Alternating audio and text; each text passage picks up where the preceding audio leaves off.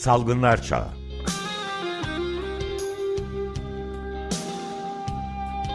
Pandemide Sağlık.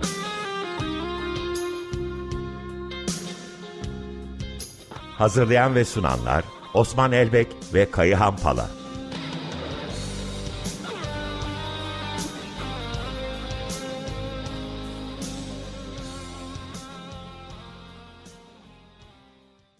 Merhabalar Osman Bey, Kayhan Bey, günaydın. Günaydın. Günaydın. Günaydın. Aslında günaydın diyoruz ama önceden bir e, kayıt yayınladığımızda söyleyelim. E, ve size bırakayım sözü. Evet, bizim açımızdan biraz buruk bir program. E, çünkü bir veda programı. 6 Mayıs 2021'de Açık Radyo bize mikrofonlarını uzatmıştı.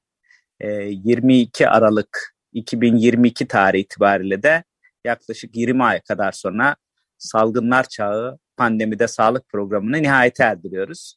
E, Açık Radyo bu dönemdeki desteği için, bize ses olduğu için çok teşekkür ederim. E, bırakma nedenimiz e, benim bir iş yeri değişikliğim. Kamuya, e, kamu sağlık hizmetine döndüm ve layıkıyla bu programı iş yoğunluğu nedeniyle götüremeyeceğimizi biliyorum. E, o yüzden de Açık Radyo'ya yaraşır bir programa e, sürdürememenin sıkıntısını e, en iyisi şimdilik bir ara vererek noktalamak istedik. Bilmiyorum Kayağan ekleyeceğim bir şey var mı? Osman e, yalnızca teşekkür ederek ben de bu bölümü noktalayayım. Hem Ömer Madra'ya hem Açık Radyo emekçilerine bize bu fırsatı sağladıkları ve hem pandemi hem salgınlarla ilgili bir çerçeve çizmemize olanak tanıdıkları için teşekkürler. Ee, yine e, her programda olduğu gibi bir COVID-19 pandemisinden neredeyiz diye e, bu programa da başlamak istiyorum. E, son bir haftalık e, John Hopkins Üniversitesi'nin derlediği verileri dikkate alırsak özellikle Japonya, Güney Kore ve Brezilya'da çok yüksek bir vaka artışı var. E, Avrupa'dan da Fransa e, dünyada önde gelen ülkelerden biri oldu. E, Japonya'da günlük vaka sayısı 150 bini aştı. E, ölümlerde de Japonya ne yazık ki günlük 200'ü aşan ölümlerle ilk sırada. E, Amerika zaten Amerika Birleşik Devletleri öteden beri en çok vakadan ve ölümün olduğu ülkelerden biri.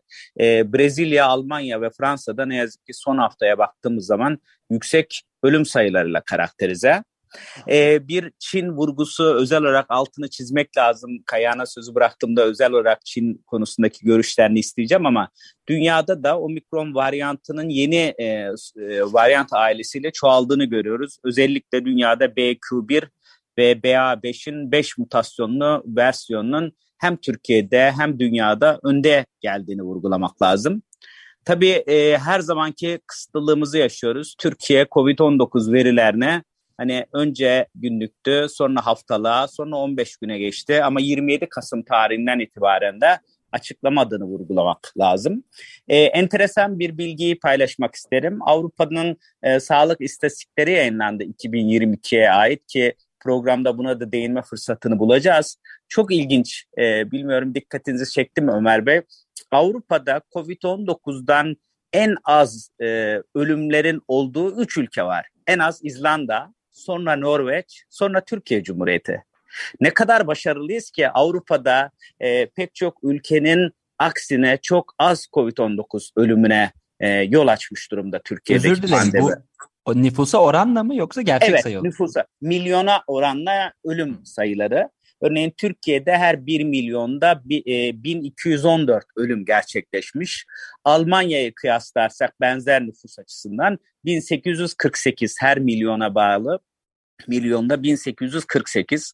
Avrupa Birliği'nin 27 ülke ortalaması 2632 bize göre oldukça kötü.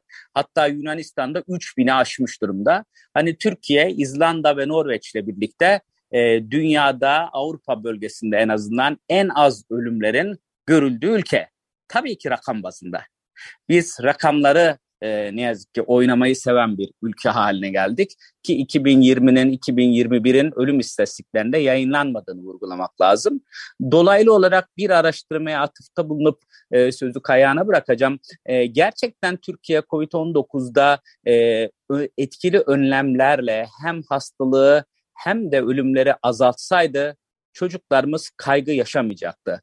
Bakın 20 ülkede COVID-19 ve çocuğun iyi olma hali isimli bir araştırma yayınlandı. Türkiye'de de İstanbul Bilgi Üniversitesi Çocuk Çalışmaları Birimi bunu yürüttü. İki tane çok büyük sonuç var. Dünyada yaşa bağlı sokak yasakları getiren çok nadir ülkelerden biri olduk. Dünyada okullarını en uzun süre kapatan ülke sıfatına eriştik. Diyebilirsiniz ki internet bazlı eğitim araştırmaları hemen eğitim takviyeleri oldu. Yine bu araştırma verisi gösteriyor ki e, çocukların bu dönemde uzaktan eğitime ulaşma oranı yüzde 46'da kaldı ki bu 20 ülke arasında sondan ikinciydi. Ama daha önemli bir bulgu COVID-19'un Türkiye'de çok yaygın hastalığa ve ölümlere neden olması nedeniyle bu pandemi ortamında, ortamında çocuklar mutsuz oldular ve bu 20 ülke arkasında en kötü mutsuz olma, en yüksek oranda mutsuz olma çocuk oranı dördüncü sırayla bizde. Daha da kötü bir verimiz çocuklarda COVID-19'a bağlı bende bir şey gelişecek, korkuyorum, ölümden korkuyorum cümleleri kaygı ve korku oranı ise 20 ülke arasında en yüksek ikinci sıradayız.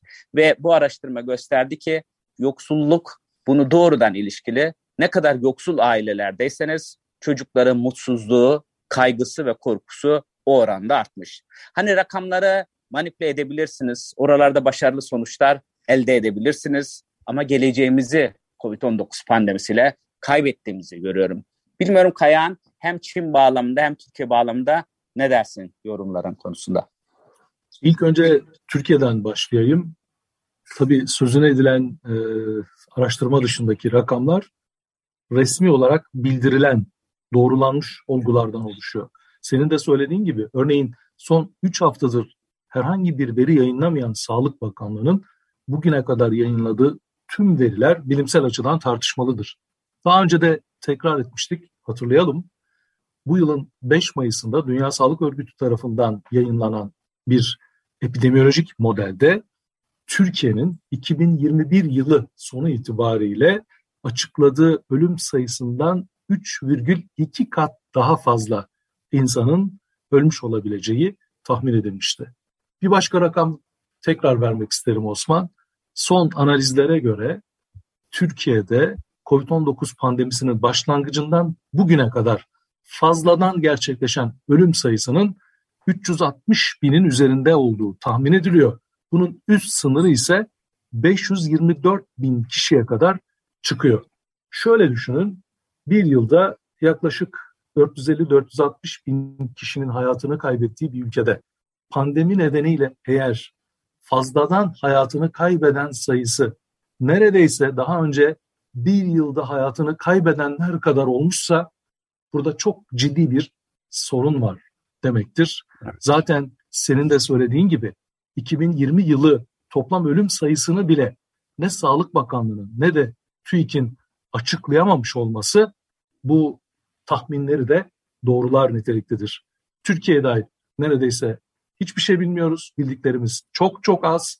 Örneğin illere göre ölüm ve vaka sayılarının o doğrulanmış ölüm ve vaka sayılarının bile dağılımını Sağlık Bakanlığı maalesef açıklayamamış durumda. Yani 1930'larda çok ciddi bulaşıcı hastalıklara karşı mücadele verip çok önemli başarılar kazanmış bir bakanlık geleneğinin bugünlerde bunları hiç yerine getirememiş olmasını da üzüntüyle takip ettiğimi söylemek isterim. Çin'le ilgili de birkaç şey söyleyelim. Aslında bir süredir bu programda da Çin'le ilişkili hem bu sıfır vaka yaklaşımı hem de oradaki e, vakaların kıpırdanmasından bir olası yeni endişe verici varyantın gündeme gelip e, gelmeme ihtimalinden söz etmiştik. Ancak birkaç gün önce Nature'da yayınlanan çok önemli bir makale önümüzdeki 90 gün içerisinde, 3 ay içerisinde Çin'de 1 milyondan fazla insanın COVID-19 nedeniyle hayatını kaybetme olasılığına vurgu yapıyor.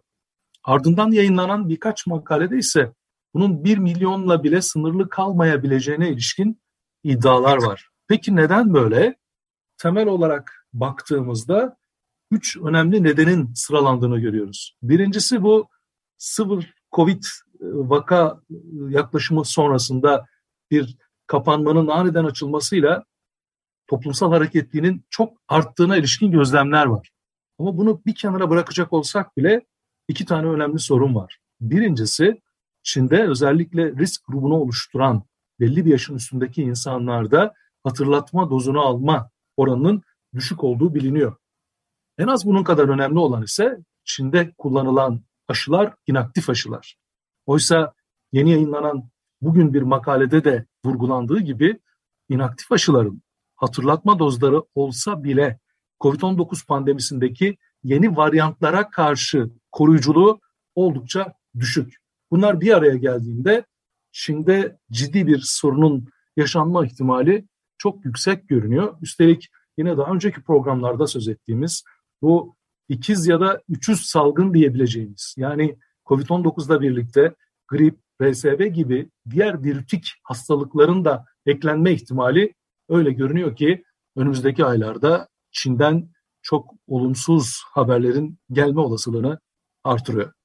Sevgili Kayan bu vesileyle e, dinleyicilere bir kere daha özellikle 50 yaş üzerindeyse şeker, kronik böbrek yetmezliği, kronik akciğer hastalığı, kanser gibi e, kronik bir hastalığı var ise e, yaşları ve risk gruplarına göre Türkiye'de de yine mRNA aşısına e, en azından 6 ay geçmiş, son 6 ay içerisinde aşı olmamış kişilere önermek lazım. İnaktif aşılardan ziyade mRNA ile bir hatırlatma dozunu e, vurgulamamız lazım. E, bu bir şey söyleyebilir miyim Osman? Burada Tabii. hemen çok güzel bunu söyledin ama bunun yanı sıra bu mRNA aşılarının yeni e, sürümlerinin evet. Türkiye'ye getirilmesi için de bir çaba tüketilmesi gerekir. Çünkü Sağlık Bakanlığı muhalefet partilerinin ısrarla sorularına rağmen buna bir yanıt verebilmiş değil. Oysa yine bilimsel araştırmalar gösteriyor ki yeni nesil mRNA aşılarının koruyucuları bu omikron varyantının yeni endişe verici türlerine göre daha yüksek düzeyde koruyor. Dolayısıyla bunların hatırlatma dozlarıyla korunmak risk gruplarının belli bir yaşın üstündeki herkesin dolayısıyla yurttaşların hakkı ayrıca henüz 12 yaş altına aşı getirilmemiş olmasını da bir kez daha ciddi bir olumsuzluk olarak buradan dile getirmiş olalım. E, bu vesileyle e, Çin'deki önümüzdeki 90 günde 1 milyona yakın e, ölümün projekte edildiği, öngörüldüğüne karşı Çin devletinin de her devlet gibi aldığı ilk önlem rakamlara müdahale etmek oldu. Ve dedi ki e, COVID'e bağlı zatürre ve solunum yetmezliği nedeniyle ölmemişse COVID'den ölmüş saymayacağım. Kronik hastalık olup da COVID'den ölenlere COVID'den ölmüş olarak değil, kronik hastalıktan ölmüş olarak kabul edeceğim dedi. Gerçekten Ka pandemi... Kabus gibi bir şey değil mi evet, yani? Pandemi tüm devletlerin hani kendisine nasıl tarif ederse tarif etsin, farklı natürlerde olmakla birlikte toplum sağlığını önemsemediğini, tamamen rakamlarla oynadığını ve yurttaşlarının gözünü boyamak, kendi başarısı, siyasi başarıları için toplumu ölüme mahkum ettiğini öngörüyorum. Ne dersin Kayan? Benzer bir refleksli değil mi? Çok haklısın. Ee, yani ölümleri gizleyerek bu sürecin sanki olumsuz yansımadığı algısına gitmeye çalışmak kabul edilebilecek bir şey değil. Aslında o ölümleri yaşayanlar ve onların çevresindeki insanlar bunları çok daha yakından görüyorlar. Ama yeri gelmişken şunu söyleyelim Osman. Pandemiden genel olarak öğrendiğimiz iki konu var bence. Birincisi ülkenin nasıl yönetildiği pandemiye karşı verilen yanıtta çok önemli bir unsur. İkincisi ise ülkenin nasıl bir sağlık sistemine sahip olduğu da salgının yükü konusunda etkili oluyor. Eğer iyi işleyen bir demokrasiye ve birinci basamağın etkili olduğu güçlü bir sağlık sistemine sahipseniz, pandemi iyi yönetiyorsanız, stratejisinizi iyi belirlemişseniz bu ülkelerde pandeminin yükünün azaltılabildiğini gördük. Onun dışındaki ülkelerde maalesef durum pek iç açıcı değil. Çin'de bu bağlam üzerinden bakıldığında olumlu örnekler arasında maalesef yer almayacak gibi görünüyor. Senin vurgunu devam ettirim. Peki Türkiye'nin sağlık ortamı nasıl bir ortam? Pandeminin e, sürgittiği, e, göz ardı edilmek istendiği, sisler arkasına saklanmak istediği bir yerde 2022'yi Türkiye'de hangi sağlık ortamıyla kapatıyoruz? E, çok yakın tarihte Avrupa Sağlık İstatistikleri yayınlandı 27 ülkeden. Bu ülkelerin verileriyle Türkiye'nin verilerini kıyaslarsak e, 2022'yi nasıl kapattığımızı da bu son e, programımızda bir fotoğraf çekebileceğimizi düşünüyorum. E, bu verilerde benim dikkatimi çeken ilk bulgu Türkiye'de doğumda beklenen yaşam umudu Avrupa Birliği'nin 27 ülkesinin ortalamasına göre yaklaşık 2 yıl daha eksik olması. Yani Türkiye'de doğma şansına veya şanssızlığına sahip olan insanlar Avrupa Birliği ortalamasından 2, İspanya'dan yaklaşık 5 yıl daha az yaşıyorlar. İkinci vurgum e, en önemli iki ölüm nedeni olan e, kalp krizlerine, e, iskemik kalp hastalığı dediğimiz kalp yetmezliğinin yola e, kalp yetmezliğine yol açan e, kalp kökenli, kardiyak kökenli hastalıklara bağlı ölümde bu 27 ülke arasında en kötü 6. sıradayız. E, inme dediğimiz e, bizim felç diye tarif edebileceğimiz, Türkçeleştirebileceğimiz felçlerden sonra 30 gün içerisinde ölme riski de e, dünyada Letonya'dan sonra en kötü ikinci ülkeyiz. Bu Avrupa'daki 27 ülke arasında. E, bir başka benim dikkatimi çeken vurgu düşük sosyoekonomik seviyede yani yoksullar arasında şeker hastalığının görülme prevalansı, şeker hastalığının görülme olasılığı 27 ülke arasında en fazla görülen üçüncü ülkeyiz. Bizden daha fazla Hırvatistan ve Portekiz var. Astım benim alanımla ilişkili bir problem. Yoksullarda astımın görülme e, oranı ise 27 ülke arasında birinci sıraya oturuyor. Peki kronik hastalıklarımız bu kadar yüksek ama kronik hastalıkları kontrol altına alabiliyor muyuz? Verisi de var bu e, yayınlanan istatistiklerde. Şeker hastalığından e, kötü gitmesine bağlı hastaneye yatma oranında Romanya ve Litvanya'dan sonra Türkiye Cumhuriyeti en kötü üçüncü ülke. Astım ve koa hastalığının alevlenmesiyle yani kötüye gidişiyle hastaların hastaneye yatma ihtimali oranı açısından ise Türkiye en kötü birinci sırada olan bir ülke bu 27 ülke arasında. Yine bir başka istatistik verisi koruma ve erken tanı ile ilgili. Korumalar arasından da şu dönemde grip aşıları çok gündemde. E, Türkiye'de ne yazık ki grip aşısıyla aşılanmış e, nüfus oranı yüzde altı. Bizden daha kötü bir ülke var Bulgaristan yüzde dört. Meme kanserine ve bağırsak kanserine tarama yapmak, mamografi yapmak veya e, bağırsak kanser için taramalar yapmakta ise e, bu 27 ülke arasında en kötü dördüncü ve beşinci sırada duruyoruz. Risk faktörlerimiz açısından ise daha karamsar bir tabloyu çizmek zorundayım. E, sigara kullanımı arasında e, açısından bakıldığı zaman Bulgaristan ve Sırbistan'dan sonra en yüksek tütün kullanma oranına sahip olan bir ülkeyiz ki uzun zamandır adı üstünde güya tütün kontrol yapıyoruz. Daha da kötü bir bulgu 2010 ile 2020 arasında hani Türkiye'nin tütünle mücadele ettiği, tütün kontrolünü yapmaya çalıştığını iddia ettiği bir ortamda sigara kullanımı artan 27 ülke arasında yegane bir ülke noktasına ulaşmışız. Sebze ve meyve tüketiminde en kötü ikinci ülkeyiz. Fiziksel aktivite, spor yapma konusunda bu 27 ülke arasında en sonda yer alan ülkeyiz. Bu yüzden de 2014-2019 arasında şişmanlıkta ciddi bir artış oranımız var. Ee, yine e, açık radyo açısından çok kritik her zaman gündeme gelen hava kirliliği e, ne dair bir veri var. Havada asılı kalan partikül dediğimiz ince partiküller, 2,5 mikrondan daha küçük partiküllerle mücadele konusunda en başarısız 27 ülke arasında iki ülke dikkati çekiyor. Biri Kuzey Makedonya, ikincisi Türkiye Cumhuriyeti. Bu e, dönem içerisinde Türkiye Cumhuriyeti PM2.5'a bağlı ölümlerde hiçbir azalma yapmamış durumda. Yine istatistik verileri kadınlara ait iki tane yüz kızartıcı tablo önümüze koyuyor. Biri partner şiddeti, eski eşler, nişanlılar veya şu andaki eşler nedeniyle şiddete uygula, uygulanan e, en yüksek e, oran Türkiye'de. Türkiye'de kadınlar ne yazık ki bu 27 ülke arasında en yüksek oranda partnerlerinden şiddete maruz kalıyorlar ve en kötü 10. ülke olarak da modern gebelikten korunma yöntemlerine ulaşabiliyorlar veya daha doğrusu ulaşamıyorlar. Tüm bunların nedenine bakarsak aslında biz sağlık harcamalarına az ve kötü yerlere kaynaklar arıyoruz. Ee, şöyle e, verilerimiz var bu istatistiklerden derlediğimiz. Ee, tüm ülkeler arasında bu 27 ülke arasında hastane bazlı sağlık hizmeti sunan birinci ülkeyiz. Örneğin Türkiye'de sağlık hizmetinin yarısından fazlası yüzde 53'ü hastanelerden sunuluyor. Almanya'da bu oran %29. Ama garip bir vaziyette hastanelerden bu kadar yüksek sağlık hizmeti sunmamıza rağmen nüfus başına hastane yatağında bu 27 ülke arasında en kötü dördüncü sıradayız. Hani hem yatak oranımız çok az ama buna rağmen birinci basamak temelli değil, hastane temelli bir sağlık hizmeti sunuyoruz. Kişi başına harcadığımız sağlık harcamasında en kötü üçüncü ülkeyiz. Türkiye Cumhuriyeti'nde kişi başına 908 euro harcıyoruz sağlığa. Avrupa Birliği ortalaması bunun 3,5 katı. Geçebildiğimiz iki ülke var. Biri Arnavutluk, biri Kuzey Makedonya.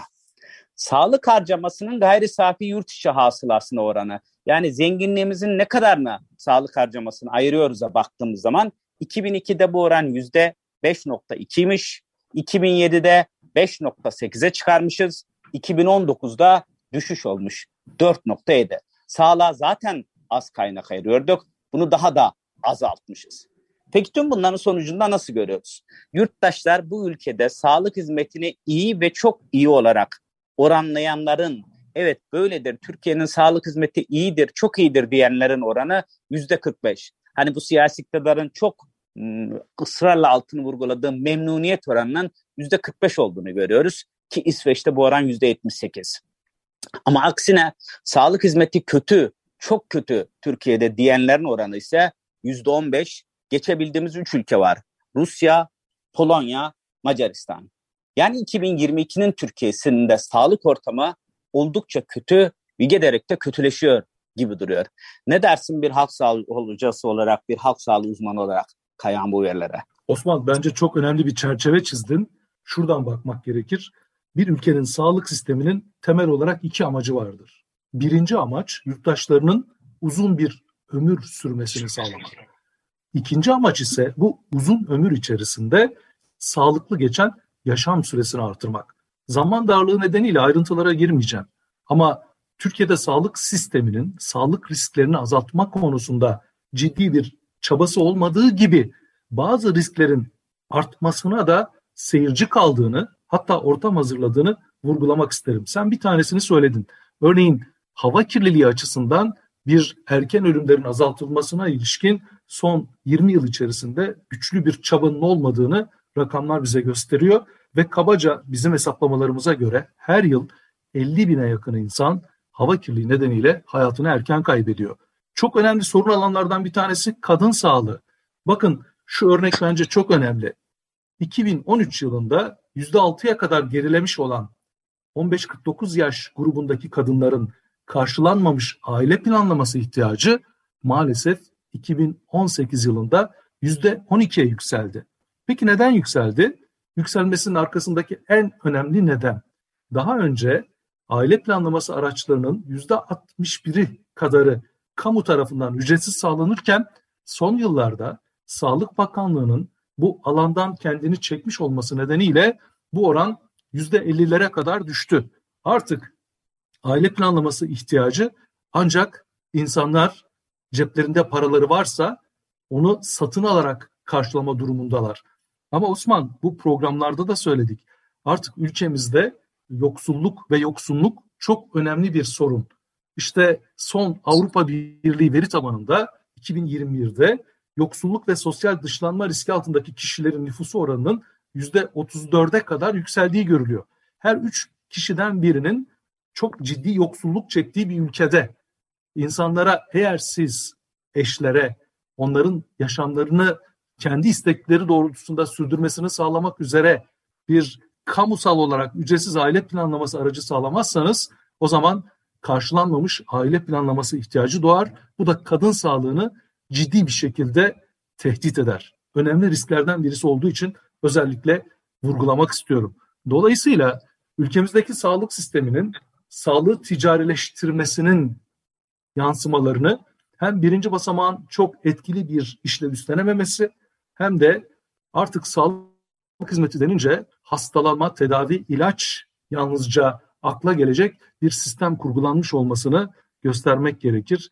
Senin az önce sıraladığın sağlık hizmet göstergeleri ve sağlık göstergelerinin neredeyse tamamında çok ciddi sorunlar var ve bu sorunlar günler geçtikçe artıyor. En son sözüne ettiğin toplumun bundan artık memnun olmadığının da ortaya çıkması Türkiye'de yeni bir sağlık sistemine kamucu, eşit, ücretsiz herkesin her yerde her zaman ihtiyaçlarını karşılayacak bir sağlık sistemine duyulan ihtiyacı da çok net ortaya koyuyor. Herhalde bunun için... Son dakikaya gelmişken ben de bir evet, şey buyurun. ilave edeyim izninizle. Bu son programda madem. Yani bu sizin ikinizin de Osman Bey ve Kayahan Bey e, çizdiğiniz e, tablo bir kabus tablosu aslında. Bunu katmerlendiren de bir şey daha var. Bizim e, genellikle radyoda üzerinde durmaya çalıştığımız bir nokta.